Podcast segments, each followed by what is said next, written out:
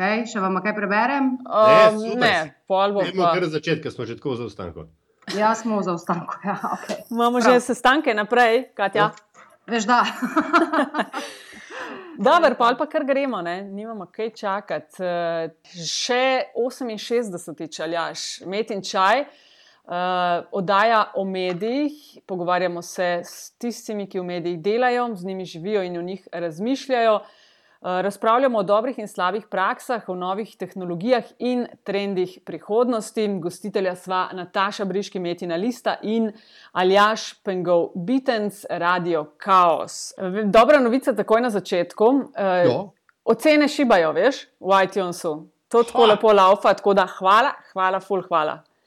Zdaj samo vprašanje, kaj bi se zgodilo, če bi mi dva rekla, da morajo zmnožiti 4x9 in ne 9x4. Lepa vsakem primeru točka manj, ne? Ja, ne, nočva ja. tega. Ne. Ne. U, ta je bila pa res čudna. Ta je bila pa res. Lej, ne vem, jaz sem matematik, jedva, kumi dve, tako da se. Nehava razpravljati o tem. Jaz, jaz, ja. Mislim, da moramo kačo prijeti pri glavi uh, in najno gostjo takoj vprašati. Po mojem je to zelo traumatično. Kaj te šruga večer, kaj gre človeku gla po glavi, ko more sodelovcu reči, da ne bo šlo več? Živijo.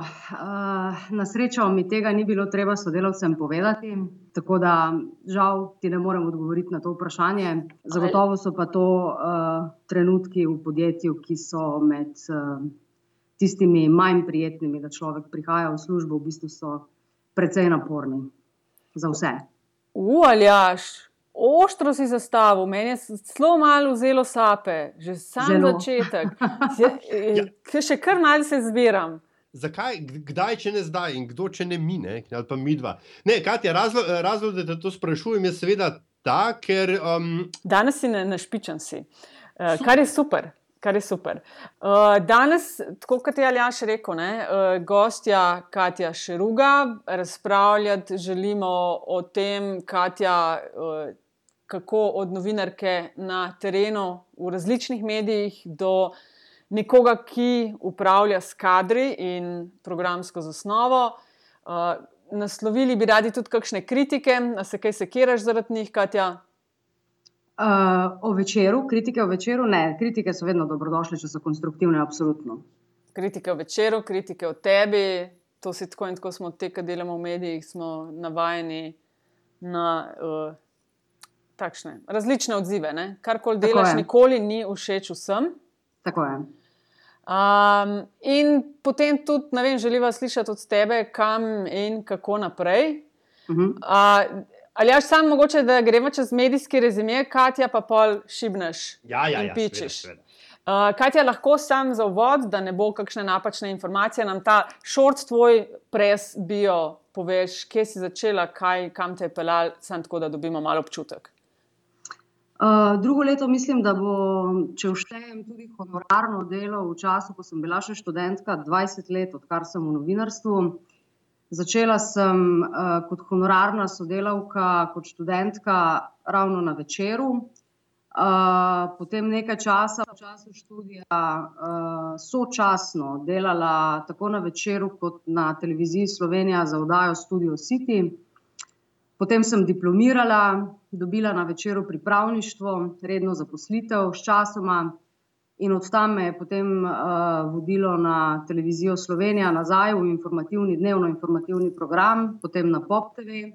In od tam spet uh, back to the roots, uh, na večer in v rodni Maribor, uh, kjer pa zdaj upravljam službo odgovorne urednice. Uh, Aljaš, is all yours. uh, ja, ne. se upravičujem, ker sem kar tako le skočil, ampak uh, res me zanima. Povej. Um, večer je šel v zadnjem času skozi uh, zelo, skozi zelo veliko transformacijo. Dolgo časa se ga je um, trančiralo in mencalo, in ne vem, kaj z njim delalo. Um, Ko ga bi morala, ko ga je morala, ne, do nedavnega njegova lastnica, so, ena od lastnic časopisna hiša, delo prodati, pa ga iz tega ali onega razloga ni mogla uh, tudi neke, neke, dv, neke dvomljivi poskusi na kupu so bili, zdaj je večer vendarle zamenjal lastnika. Uh -huh. uh, in po drugi strani je pa pač bil nek um, proces, ne, kaj da moramo reči, temu odpuščanj, ker pač obstajajo drugi eufemizmi. In me predvsem zanima, ali je v, v kakšnem stanju je zdaj uh, uh, novinarska redakcija in v kakšnem stanju je tisti del podjetja, ki ga, ali pa tako, podjetja, vsaj z tvojega, svojega vidika, no? ker verjamem, da ne vidiš čist, oziroma, ja, ne vem, vidiš čisto vse ali ne vidiš, kakšni so odnosi z lastniki te stvari. To me zanima, koordinate večera, zdaj. Razumem. Uh, torej, najbolje, absolutno, seveda, vidim uredniški del, to je tudi največji del večera. Uh, tukaj nas je še vedno uh, novinarjev in urednikov, uh, mislim, da 66 ali 67 v tem trenutku. Uh, Uh, bilo nas je pa 74, takrat, ko sem jaz prišla na večer, to je tri leta nazaj. Torej, večer je zagotovo v zadnjih treh letih prehodil kar težko pot. Uh, prehodil je pot uh, sanacije, prehodil je pot uh, torej prihoda novega lastnika. To so bila zagotovo turbulentna, uh, naporna, izzivalna, ne pa tudi nujno v vseh pogledih slaba leta za večer. Večer je to obdobje izkoristil tudi za notranjo ukrepitev, tudi za, um, in je danes, po moje, absolutno odpornejši in močnejši, kot je bil recimo pred tremi leti ali še kdaj v preteklosti. Uh, torej, da, prihod novega lastnika je zagotovo en, en, eden pomembnejših dogodkov v življenju te medijske hiše. Uh, Ampak v tem trenutku uh, je večer stabilen, v tem trenutku se večer razvija, v tem trenutku večer na trg daje tudi nove produkte in nove projekte. V tem trenutku se v hiši zelo, zelo veliko dela. Uh, in zelo težko bi rekli, da je slabo. Pravzaprav. Zdaj, kako pa uh, bi kdo utegnil oceniti naše produkte in vsebine in vse ostalo, kar počnemo, je pa seveda stvar vsakega posameznika. Ampak v osnovi v hiši je živahno, v hiši se zelo, zelo veliko dela in razmišlja o prihodnosti. In to je trenutek, končno je po treh letih nekih. Torej, Sanacijskih in uh, lastniških in drugih zgodb na počo trenutek, ko se ukvarjamo s tistim, s čimer se najraje ukvarjamo, to je z vsebinami in s pogledom v prihodnost. Ko si postajala, ali pa ko, ne vem, ali so te vabili, ali si, ali si se ti prijavila na odprt razpis, ali kako si ti točno postala urednica? So, povabili. so te povabili, odgovor na ja. večer. Ali je to to, kar si si predstavljala, da, da bo tako? Is this what you signed up for? Torej, um, zagotovo mi je bilo jasno, uh, da grem, uh, ko sem se odločila, da ta izziv sprejmem. Mi je bilo seveda kristalno jasno, da uh, grem v uh, tisk, ki je um, v položaju, v kakršnem je, ali pa je bil, v kakršnem je bil. Um, in uh, jasno mi je bilo tudi, da, to, torej, da bo to obdobje um, velikih izzivov, če temu tako rečemo, tudi sanacije. Absolutno, to je bilo jasno. Um, uh, zagotovo nisem mogla predvideti čisto vsega, kar se je potem dogajalo, to je tudi verjetno logično, ampak. Uh, Če se spomnim, recimo, kako sem sama, kot mlada novinarka, opazovala in, se, in kaj se mi je zdelo, recimo, delo odgovornih urednikov v zlatih časih slovenskega tiska. Recimo, uh, pa če to primerjam s tem, kaj je delo odgovornega urednika v tiskanem mediju, danes seveda ni nobene primerjave več. Ne. Torej, danes uh, odgovorni uredniki, uh, vsaj jaz ne, niti približno se ne ukvarjamo izključno in zgolj in samo z vsebino, recimo, kar bi seveda morala biti naša primarna skrb in naloga ampak dejansko zaradi vsega, s čimer se je danes treba ukvarjati, ali pa se je na večeru do nedavnega bilo treba ukvarjati, um, je absolutno treba tudi um, početi še kaj drugega. Treba je upravljati uh, proračune, budžete, treba je um, torej, um, upravljati tudi kadre, treba je zagotavljati produkcijsko sposobnost in tako naprej. Skratka, uh, veliko bolj uh, v širšem smislu menedžerska je danes eh, pozicija odgovornega urednika, kot je bila morda v zlatih časih uh, tiskanih medijev, ko so se odgovorni uredniki verjetno v prvi vrsti in daleč najpomembneje lahko ukvarjali resnično zgolj in samo z vsebino.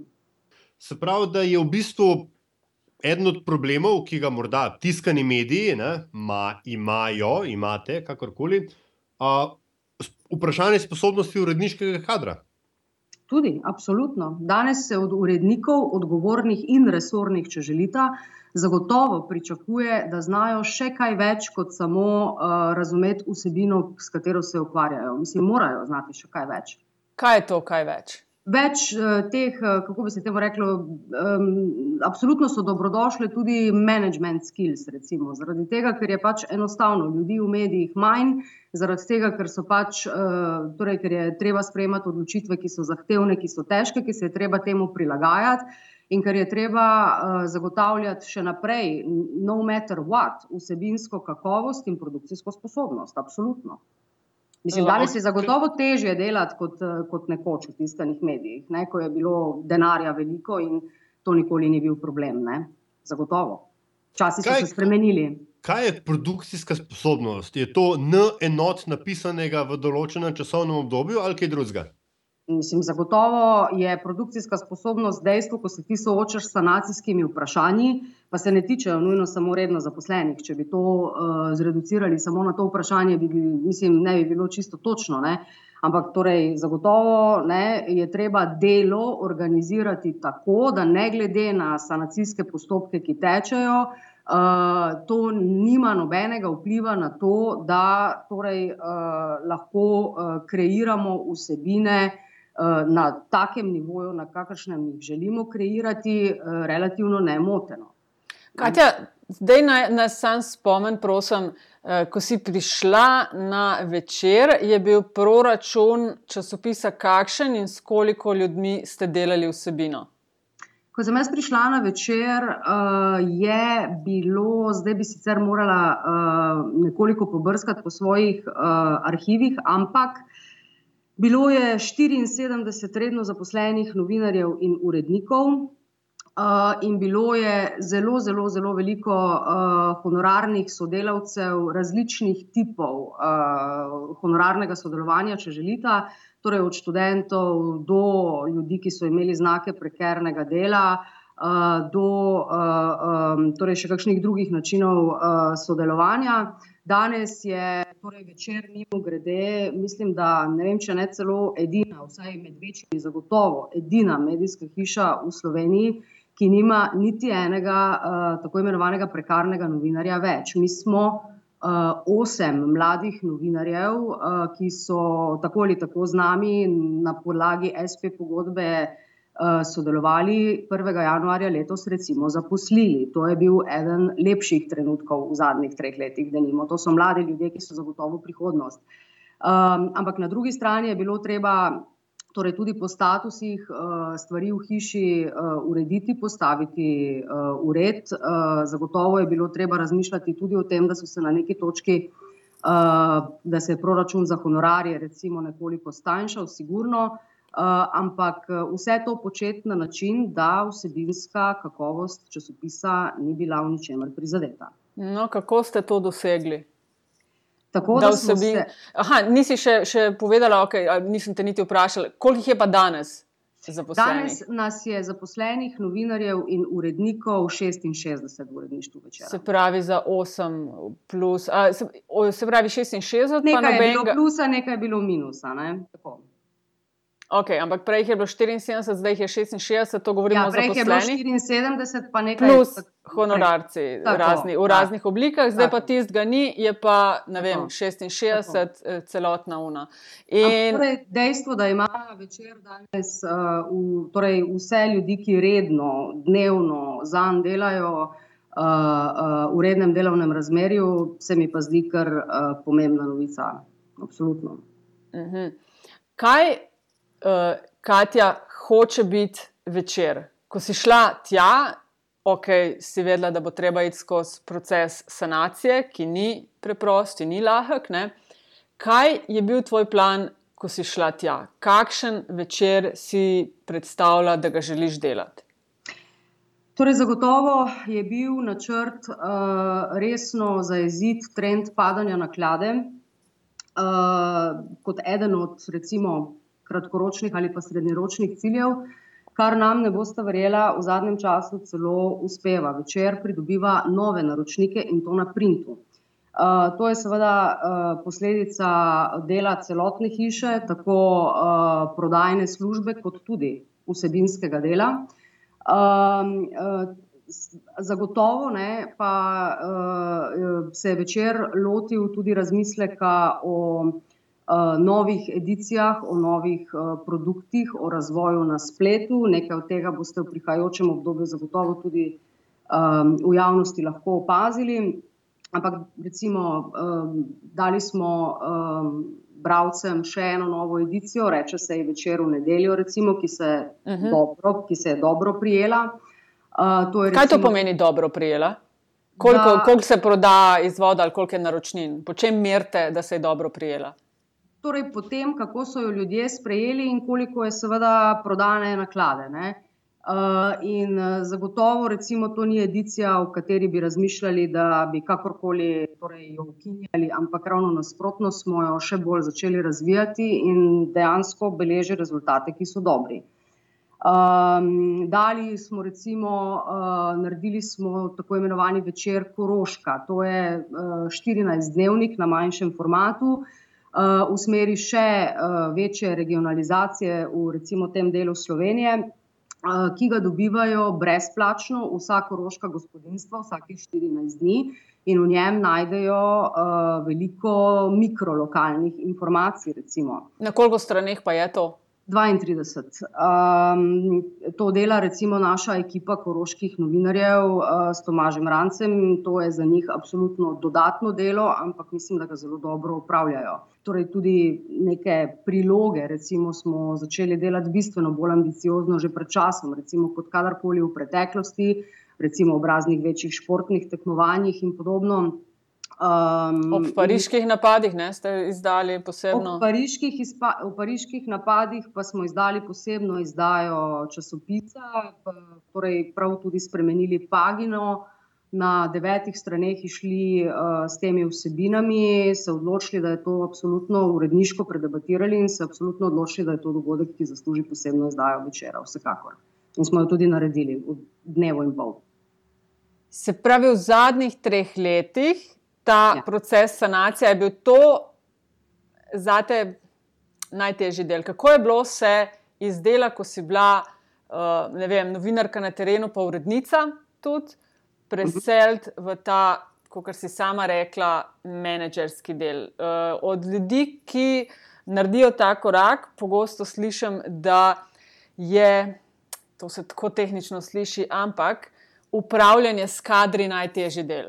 Zagotovo. Torej, um, delo z ljudmi, uh, bi mu jaz rekla, prej kot upravljanje s kadri. Recimo, torej, ljudje so, seveda, zelo različni. Ljudje so um, uh, različno zahtevni, uh, imajo različne specifike in nekako uh, pač vsaj. Ne, poskušati to nekako spraviti v neko uh, harmonijo, recimo, ali pa vsaj nekaj blizu tega. Ne. Uh, je zagotovo delo za vsak dan, brez skrbi, da je. Ne. To je uh, sigurno uh, um, um, izziv vsakič znova lahko. Evo. In, in zdaj ste to, če prav razumem, skadri, oziroma to, kar ste morali prešparati. Iz tahujga smo ven. Ja. Iz tahujga ven, tako, ta je lepa tako, slovenska. Iz tahujga smo ven, pa brez zamere, pa kira je še tako dobra. Se bomo že revanžirali. Ta, te so. Um, Go, all these goldies, ja. Katja, kakšna je poslovna situacija večera? Nekaj sem zasledil, da nek plus menda je, ampak je to nekaj, s čimer se da delati ali to učete, ne vem. Torej, mi absolutno delamo. Torej, uh, odkar je v hiši novi lastnik, je um, uh, pripeljal seboj tudi uh, politiko. Um, ali pa pristop ustvarjanja novih virov prihodkov, zato večer tudi ustanavlja eh, še druga podjetja.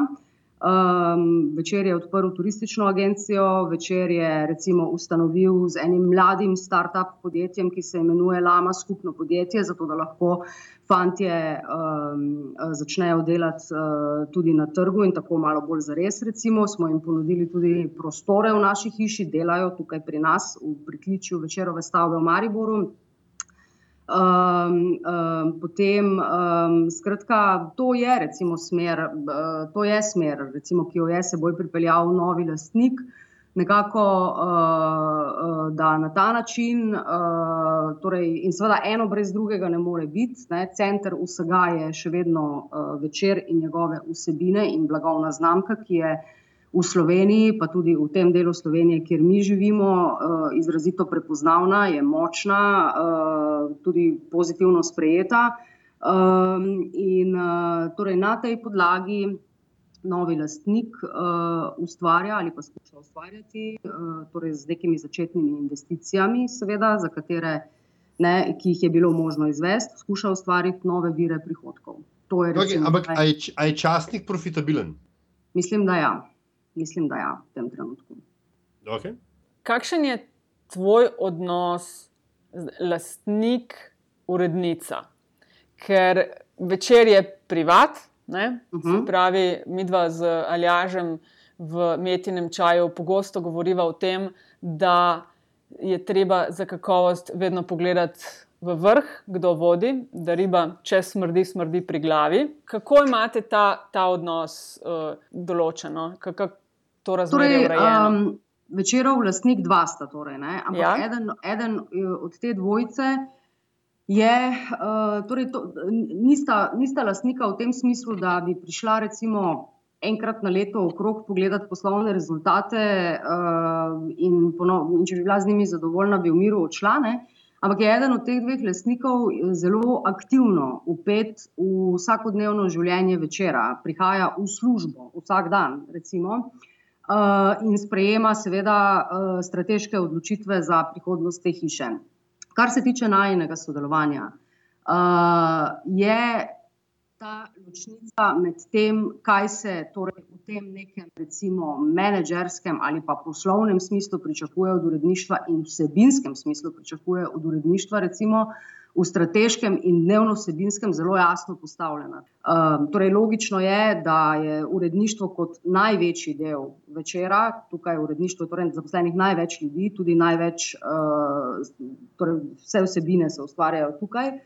Um, seveda, ne na ravni nekih poslovnih in, in siceršnjih strategij, seveda uh, potekajo ti pogovori, uh, ampak v smislu izmenjave mnen, argumentov, z, z ciljem, da se pride do najboljšega zaključka, do najboljšega projekta.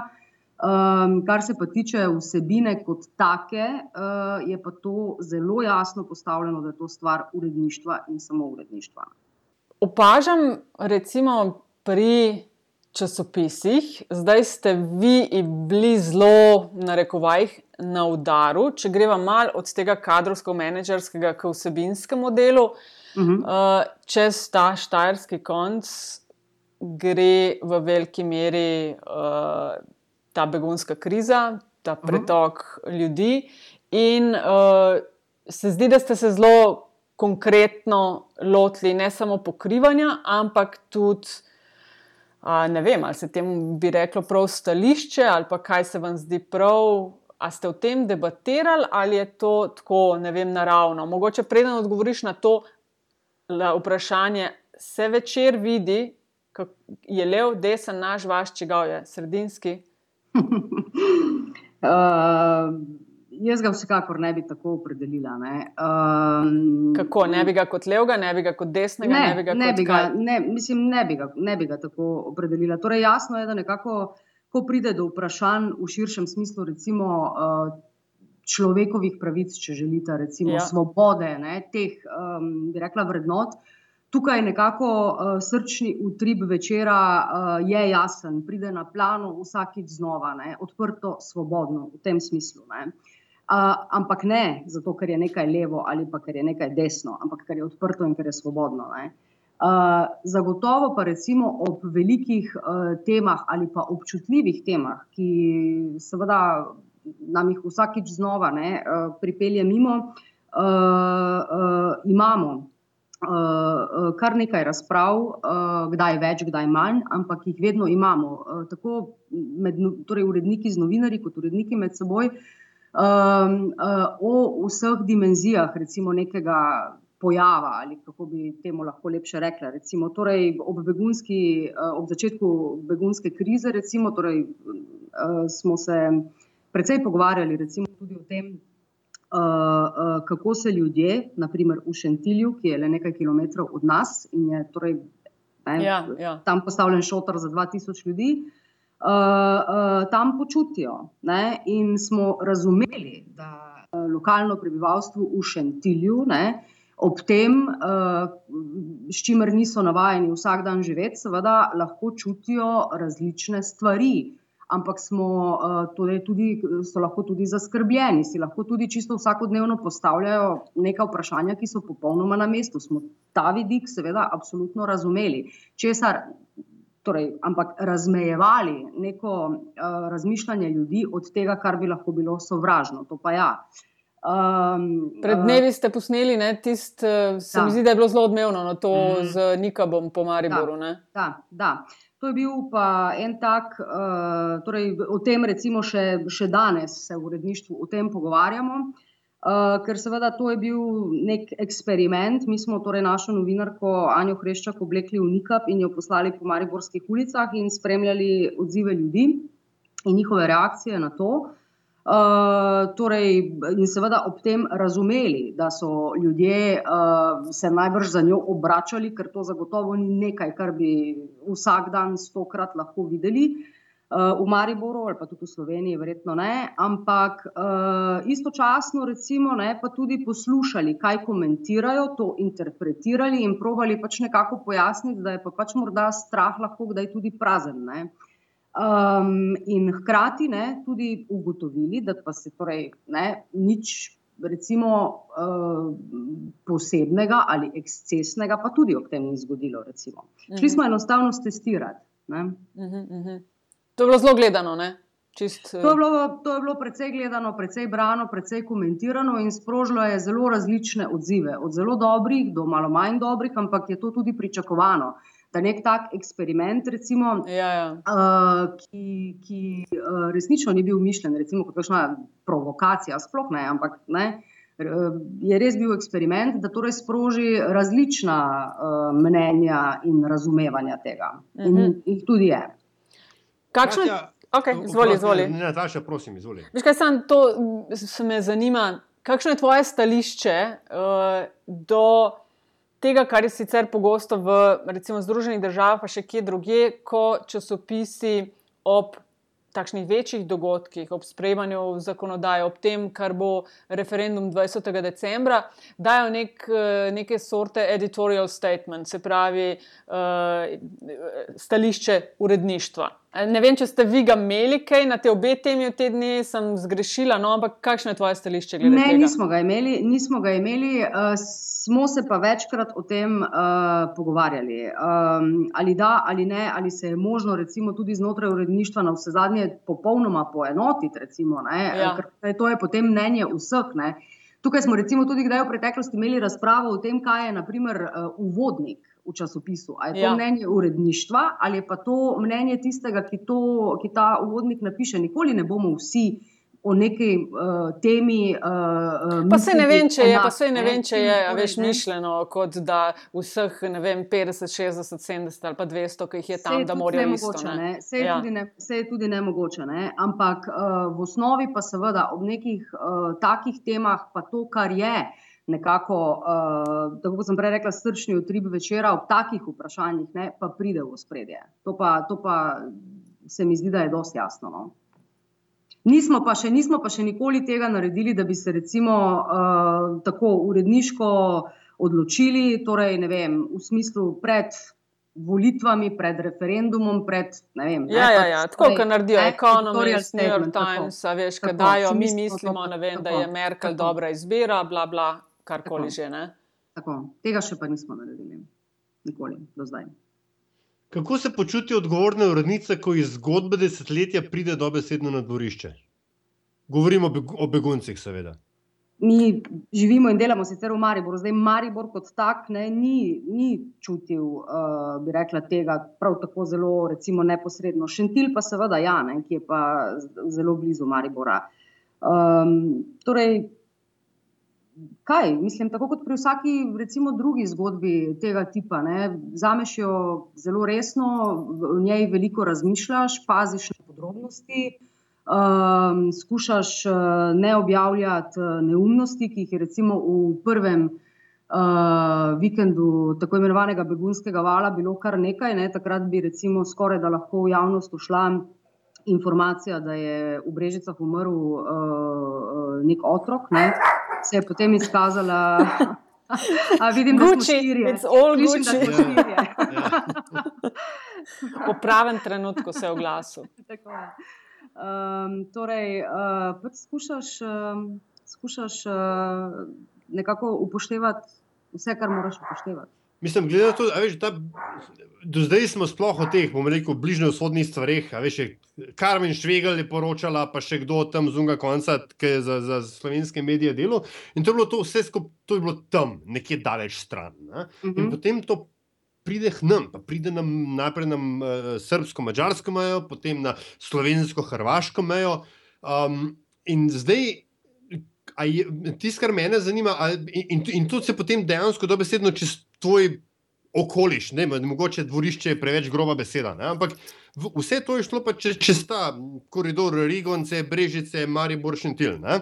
Mhm. A, a, a je bil kakšen ne konflikt med, med človekom, novinarjem in novinarjem, novinarjem?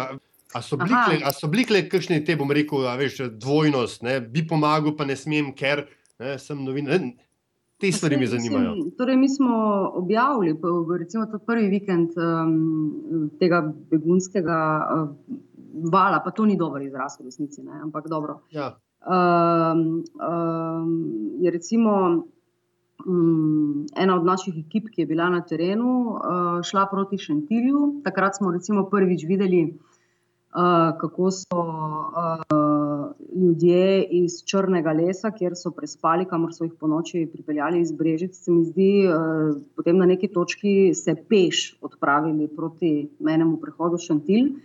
Takrat smo prvič videli torej to, da tudi pešačijo, tak, pač, da hočejo naprej, hočejo naprej. Ja, pač ja. Tako zelo plastično to videli. Um, takrat je recimo ena od naših ekip, ki je bila na Šentilju, um, srečala tam um, eno družino, uh, ki je rekla, da je iz Iraka, z mislim, da takrat sedem dni starim dojenčkom, uh, ki ni bil videti dobro, ne dojenček, ne, ne njegova mama. Ne.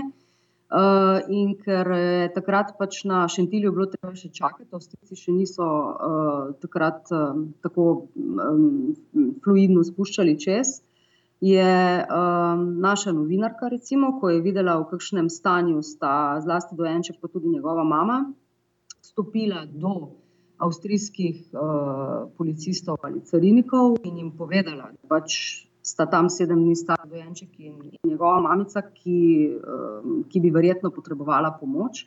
In Avstrijci so reagirali, takoj so poslali recimo reševalno vozilo, oba oskrbeli in jih tudi recimo nemudoma, potem še z očetom vred recimo odpeljali v Avstrijo. Zdaj, torej, ne, to je nekaj, kar, kar je najbrž, mi smo to tudi objavili, tudi, tudi drugot po medijih, recimo, če boste pogledali nazaj, ta zgodba sedem dni starega dojenčka uh, bila. Ne.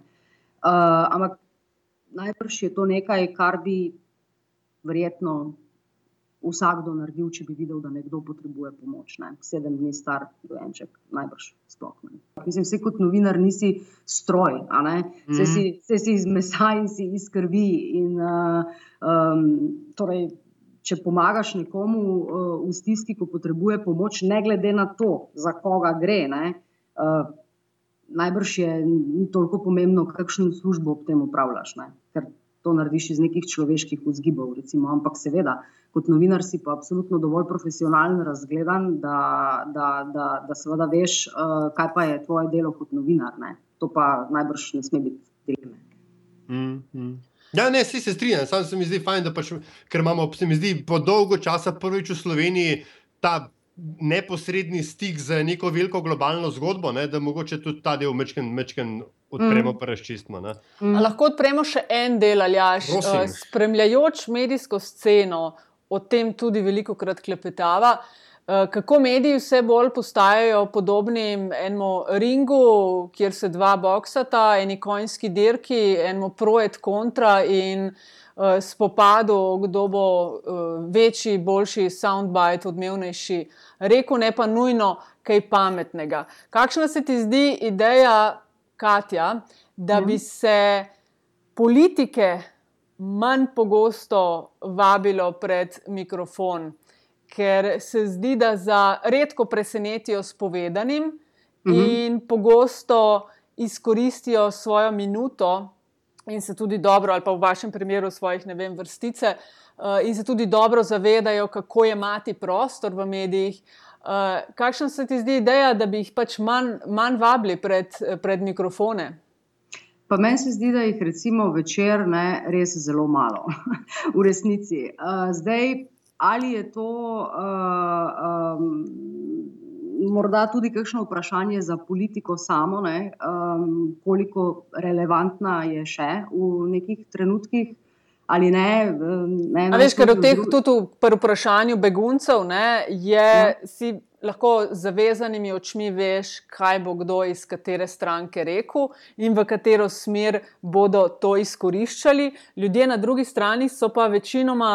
Eh, ne vejo, premalo vejo, kaj, so, kaj se dogaja, skoraj nič ne vejo o ljudeh, odkot prihajajo in kdo so. Ne? Mhm. In potem se mi zdi, da pogosto politiki na mesto uh, nekih konstruktivnih debat izkoriščajo te strahove, neznanje za pridobivanje svojih političnih točkic. Ja, ampak se to. Uh, in da smo mediji, kle, da jim pomagamo s tem, ko, uh, ko jih objavljamo. Ko jih mislim, objavljati, seveda jih moraš tudi, ne? ampak mogoče, da se jim daje preveč pozornosti, ki jo izkoriščajo. Ne vem, no, povej tvoje mnenje. Jaz se, ravno, jaz se ravno želim povedati, da recimo v večeru mislim, da politika nima več toliko prostora, pa ne namerno, ampak enostavno okay. zaradi tega, ker pač se lahko pri nas oglasi takrat, ko pač.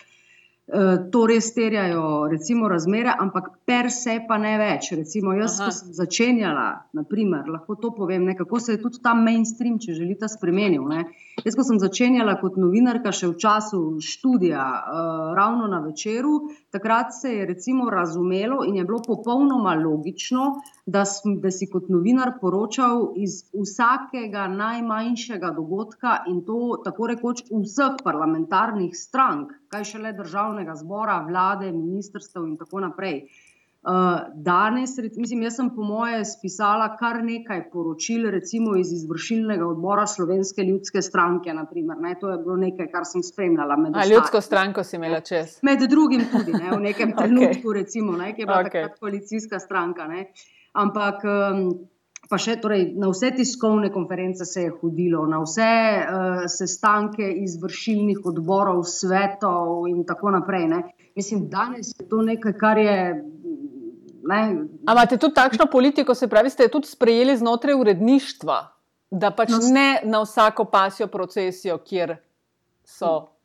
Na vsako pasjo procesijo se mi zdi, da ne vem, če sploh še kateri od večjih medijev hodi. Uh, Um, nekako, zato sem pa prej rekla, da deloma je to morda tudi vprašanje za politiko in njeno težo, ne, kakršna je danes. Uh, uh, in uh, seveda, pa, seveda pa pač politiko vprašaš to, kar jo želiš vprašati, ali pa jo spremljaš takrat, ko oceniš, da to narekujejo razmere. Ampak, deci, ne. Nim, Mislim, da, imamo, da imaš tudi del odgovora na vprašanje, zakaj vam naklada raste. Le, lepa. Koliko pa je ena klada, številka? Torej, uh, prodanih tiskanih smo zdaj uh, eh, 22 tisoč, pa še kar nekaj prodamo tudi v kolportaži. To seveda ni. Ja, ja. Uh, če primerjamo z časi, ko je bila naklada 50 tisoč, seveda je to nek čisto drug svet. Ne. A je v teh 22 tisoč tudi elektronske naročnine? Ne, elektronske naročnine so pa še posebej, uh, teh je pa, mislim, da tam okrog 1500, nekaj takega, če se ne motim. Uh -huh. uh, ampak, uh, um, torej, kar je dobra novica no, v zadnjem času, je to, da res um, z napori, ki jih v to vlagamo, pridobivamo nove naročnike in to na tisku, tudi na tisku. Ja. V dobrih, v dobrih starih časih se je večer oglaševal kot najbolj časnik z največjim dosegom v Sloveniji. Ja. To je res dolgo, dolgo nazaj. Že, Verjetno res dolgo ja. nazaj. Ja. Ampak je večer še nacionalni ali regionalni, sleš lokalni časnik? Ej, to je pa večna dilema, večna razprava za večer. Torej, um, večer je zagotovo regionalen časopis, ker je tukaj doma, ker dominira v tej regiji, ampak časopis, ki prinaša tudi relevantne nacionalne in celo globalne vsebine. Ampak predvsem je medijski steber tega dela Slovenije, severovzhodnega. To pa najbrž ni. Nimate konkurence, nimate konkurence tam.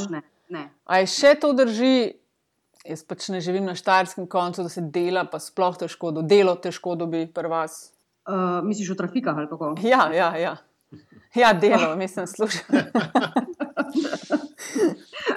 Pa, mislim, ne, ver, ne verjamem. Jaz, recimo, sicer ga dobim vsak dan na mizo, tako kot vse ostale časopise. Ja. Ampak, uh, uh, če pa kdaj, recimo ob sobotah, pač, ko kupim vse časopise v trafiki, to je pač uh, navada že odnegdaj.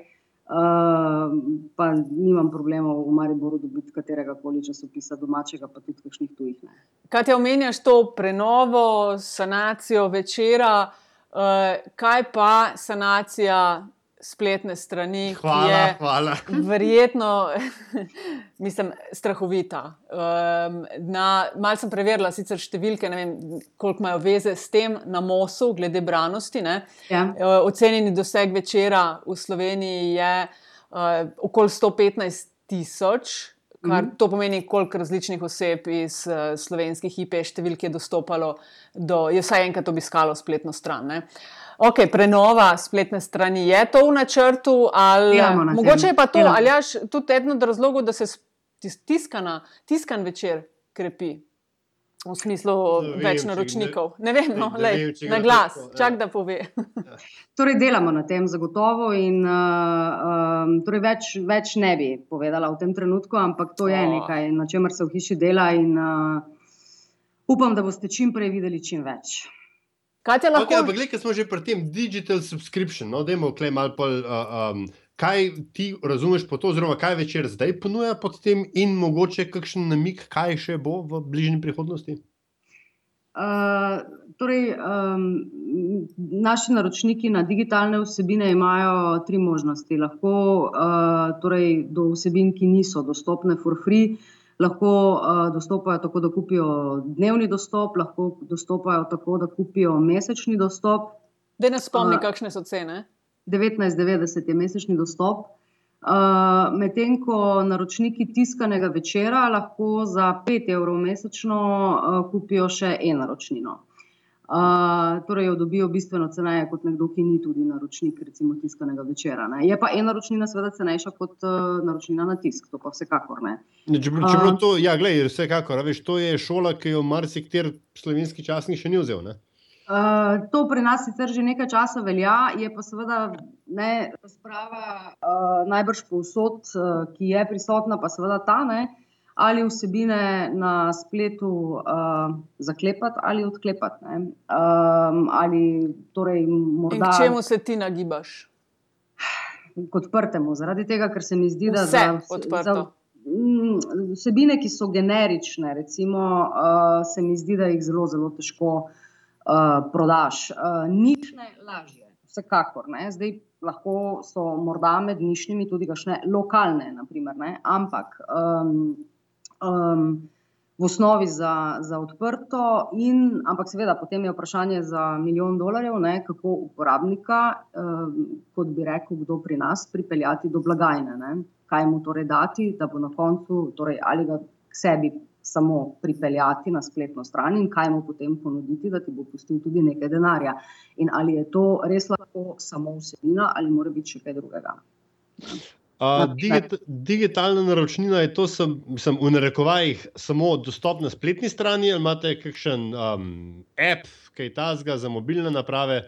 Ja, ja, aplikacija večerova seveda obstaja, predvsem pa uh, obstaja 70 let uh, arhiva. Uh, večer je hiša, ki je 70 let stara. Naš uh, arhiv je v celoti digitaliziran in tam pa se skriva eno tako malo bogatstvo. Recimo, ja, to smo pa z Alja že večkrat ugotavljali, da časopisi zelo večinoma malomarno delajo s tem, ki bi se pa morda res lahko še bolje ali pa najbolj tržilo. Ne? Ja, arhiv se mi zdi tako zlata jama za vse, za vse medije. Kam pa vas naprej nese? Boste šli v kakšno, um, se temu reče, samo za recimo, vsebine, ki bodo samo digital only, ali kako, kaj, kaj na tem področju razmišljate? Uh, torej, uh, zagotovo vsebine, ki se bodo še vedno prepletale tudi s tiskom, zagotovo projekti, ki bodo komplementarni na vseh platformah, recimo torej, ta eksperiment, uh, o katerem smo se prej pogovarjali. Ja, ja. Je recimo že nekaj od tega lahko, ne? uh, in to je zagotovo nekaj, o čemer velja še razmišljati, še krepiti. Uh, in pač nekako uh, uporabiti tudi dejstvo, da so pač uh, vsebine lahko tudi komplementarne, kaj narediš, kje in kdaj in zakaj. Um, in uh, seveda pa tudi vsebine, najbrž posebej samo za splet, ja, zagotovo tudi to. Ne. Kaj ti zdaj poveš, kaj o tem, kakšen je bil zate prehod iz, ok, delala si že na večeru, ampak večji del, pa velik del predtem je bila televizija.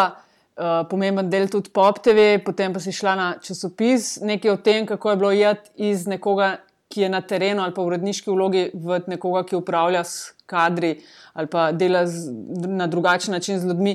Si že govorila, kaj pa ta del. Uh, ne vem, iz televizije na časopis, veš, kaj se kar naenkrat se, se domet uh, spremeni, kar naenkrat se vidnost v neki drugačni meri kaže. Ne? Kako si s tem handlala, kaj pogrešaš, česa ne. Pa jaz nimam časa nič kaj dosti pogrešati, resnici, ampak, ampak uh, mislim, nisem na ta način razmišljala o tem, niti približno. Um, torej, Te ne nek... prime, uh, ko se take večje stvari zgodijo, vidim, da, da postaneš na Twitterju malo bolj aktivna. ja, ja. Vem, ker se poznam, smo delali par let skupaj, si ja. mislim, da veš. Uh, vidim, občasno napišeš kaj uh, v uh, večeru, ampak tako ne. Ni, mislim, manj je tega, valjda, ker imaš druge obveznosti. Seveda je manj tega, ja, tako je, manj je tega. Si, torej, da, ne, uh, pridejo trenutki, ko bi si želela. Da je več tega, tudi zgodi se trenutek, ko me prime, da bi šla na teren, ampak sej, ne, če, če, kdo mi pa preprečuje, da bi šla ne, v končni fazi. Ampak um, um, v osnovi je pač seveda služba odgovornega urednika nekaj drugega kot služba uh, novinarja, ampak seveda v svoji osnovi pa sem bila sem in verjetno bom zmeraj ne, najprej novinarka. Uh, in recimo, ko me ti zaznaš aktivnejšo na Twitterju, ne, to zagotovo uh, ne, pomeni, da me neka zgodba čisto tako, tudi mene osebno, kdaj vleče, kliče, zanima. Ne. Uh, in um, da bi pa imela kakršen koli, recimo, um, problem z vidnostjo, in tako, pa, pa ne, pa niti približno, tudi nisem na ta način razmišljala. Um, služba odgovornega urednika se mi zdi, da je pač nekaj, kar pač sprejmeš z vso resnostjo, ali pa ne sprejmeš, um, in kar upravljaš z vso resnostjo. Za me osebno je to zagotovo tudi en tak če želite, doktorat življenja. Ne. Tukaj resnično spoznaš, pa v teh časih mogoče še toliko bolj. Ne. Resnično spoznaš, um, torej veliko novega se naučiš, to vsekakor. Um, spoznaš tudi svoje meje, na vse zadnje, koliko jih prej nisi spoznal, jih tukaj sigurno spoznaš. Um, skratka, to je nekaj, kar ti um, veliko vzame, ampak tudi veliko da. Če te lahko malenkost sklele prekinem, ko govoriš o mejah, spomnim se Aljaš Farazina, ki je bil gost v enem od naših čajev, ja. uh, ki je govoril o tej svoji karieri in teh poskusih v start-up svetu, uh, o, ne, o tem, kaj vse je počel, kakšne vloge je imel, in je hkrati tudi govoril o tem, kako spoznaš uh, samega sebe in svoje omejitve. Uh, pa je pač razlagal, kje se mu zdi, da uh, da moraš še delati, da se izboljša. Kje ti percept to vidiš, ko zdaj govoriš o teh uh, omejitvah? Oziroma... Torej, zagotovo. um, Najmanj v tem, da pač um, včasih um, je treba kakšno stvar um, ali pa kakšno svojo reakcijo uh, dobro odmeriti, uh, če želiš, da učinkuje. Lepo si to povedala. Ja. Recimo, uh, pač resnično je to. Um, jaz razumem to službo res kot zelo odgovorno službo. In, um, včasih je težko držati vse konce skupaj, ki jih moraš držati. Uh, um, ampak zato imaš pa ob sebi ekipo, ki ji zaupaš. In, um, so dnevi, ko naredimo odličen časopis in smo vsi zelo ponosni na to, in so dnevi, ko smo malo bolj slabe volje, ker se nam zdi, da pač mogoče nismo naredili tako dobrega časopisa, kot bi ga lahko, ali pa vsebin na splošno. Ampak, skratka, občasno perje leti. Torej, perje ravno ne, ne ampak. okay, ja. ne, Je pa najbrž treba ravno pri tem, če mu ti rečeš, upravljanje s kadri. Ma se mu ne rečem to, ne vem, kje ne. se mi je usadilo to noter. Veš, ta, eh, kaj, ne, koga smo krivili? Neokapitalizem ali neoliberalizem. Ja, to so mi ustavili noter in te ciljno publiko in pejte vrat. Ja. Ja. Katja, kje vidiš še, preden gremo na zanimivost, uh, največji izzivi za medije? V prihodnje in za časopise? Pravzaprav eh, za medije v širšem smislu, zagotovo v vsebinah, ki jih delajo. Um, jaz, ko smo se zdaj pogovarjali, uh, da naredimo ta intervju, um, sem se spomnila, recimo, Nataša, tudi enega najnega pogovora, ko si ti odhajala s popa. Ja, pri, pri miru tu smo sedeli. Uh, in takrat si recimo rekla, da se ti zdi, da v Slovenijo, pa koliko let je zdaj že od tega, Nataša? Jaz sem 20 nazaj prišla spomladi. No, se pravi, uh, pet pa pol. Ja. No, in takrat si rekla, prav, prav, prav, prav zapomnila sem si ta pogovor, gledaj, res do danes. Takrat si rekla, da se ti zdi, da v bistvu ta um, trend površnosti in tekočega traka iz Združenih držav vedno bolj prihaja tudi v Slovenijo in da pač nekako si dala vedeti, da se ob tem ne počutiš ravno najbolje. Ne. Danes najbrž lahko, ki je vidiš, da si seveda imela prav. Ne. Uh, Nočeš sem... vedeti, kaj vse bo prišlo, kaj sem videla tam. um, to se mi recimo zdi uh, absolutno uh, zelo, zelo pomemben izziv za prihodnje. Zagotavljati vsebine, ki so relevantne, zagotavljati uh, vsebine, ki so kontekstualizirane. Um, To se mi zdi zelo velik izziv za naprej. Uh, se strinjam, se ne bi mogla bolj strinjati s tem. No? Uh, in od tega bo, ja, po mojem, tudi odvisna prihodnost in kam, kam bo šlo vse skupaj. Ampak jaz resnično tudi verjamem v to, da se, če želiš ne dobro, ja. vsebina tudi dobro lahko prodane. Absolutno. Absolutno. Res, res verjamem v to. Ampak, da boš še nekaj, če smo že, če smo že pri trendih, ja. če smo že omenjali politiko in politike. Um, Spomnim se ministra, ki ga je neodgovorno ravnanje s tvojim mikrofonom odneslo z, z, z položaja. A, a, a so tudi politiki počasi, oziroma na splošno dojeli, da mediji niso ravno predpražnik, v katerega si lahko obrišajo noge? Po tvoje. Pa po mojem, mislim, kaj povem, po mojem, ja, na nek način, po mojem, ja. nisem prav zdaj zelo ne, eh, poglobljeno. Misliš v smislu vplivanja na medije? Ja, veš, tako mislim. Ja, v tem smislu. Ja, veš, v takem smislu. Ker precepali se prav veliko niso. Ne, ne, ne, ampak veš, ti, ti, si, ti si od drobniča takrat nekaj hot, hotla izjavo, on je pač zelo nonšalantno, dejte to, nek, ne spomnite, pač nekaj je tam mahal okol. Ne? Ja, odrinil uh, Ne, odrinil mikrofon tako in, in uh, pač posledice so bile. Ne? Bile so pa pač zato, ker se je, mislim, da tudi ceh, pa tudi sicer nasplošno je, je šel takrat dosto luft, ne? češ kakšen je to zdaj odnos. Ne? Ampak se mi zdi, da je mogoče nekega tega pogojno rečeno spoštovanja ali pa vsaj toleriranja ne? medijev in njihovih predstavnikov z strani izvoljenih predstavnikov ljudstva zdaj mečken več ali ja. je to samo moj naivni občutek? Ne, po moje, po moje ja, ampak tudi uh, ne, um, se mi zdi, da, ja, no, da je ta, če želiš, je, ja, bi rekla, da ja, no, Se še kdaj spomniš na tisto, ali je to samo, mislim, tako, v smislu, je bilo to kaj posebej transformativnega za, za te kot za novinarko, ali je pač to samo še zgodba za obkofeto? Uh, pa v bistvu, uh, mislim, spomnim se tistega dne zelo natančno, ker je vse, torej, zgodilo se je nekaj, kar ravno ni običajno, da se zgodi, in uh, zgodilo se je nekaj, kar ne pričakuješ, da se ti bo zgodilo, ko greš na teren. Um, jaz sem pač takrat imela informacije, da minister um, ni ravno, uh, kako se reče, trdno minister, na ministerskem stolu. Da sem pač ga spraševala, uh, ali pričakuje, da ga bo tedajni premijer, ki je bil to takrat Janez Janša, odstavil z ministerskega stola in pač minister tega vprašanja ni ravno najbolje prenesel. Um, in um, vem, da ko sem se potem vrnila v hišo in pogledala, kaj smo posneli, uh, in ob tem seveda tudi ugotovila, da smo posneli, naj se snemalec bi ravno tako kot jaz takrat lahko recimo, bil šokiran, pa bi vem, umaknil kamero, pa se to nikoli ne bi posnelo, kakor, mislim, ne, lahko bi se tisoč stvari tam zgodilo. Uh, v tem nepričakovanem trenutku, ampak potem, ko smo videli, da smo to posneli, sem, se spomnim, da sem bila tudi presenečena nad svojo reakcijo, kako zbrana sem ostala v tistem trenutku. Uh, Uh, jaz sem namreč še enkrat, potem ko je odrinil mikrofon, ministru postavila isto vprašanje.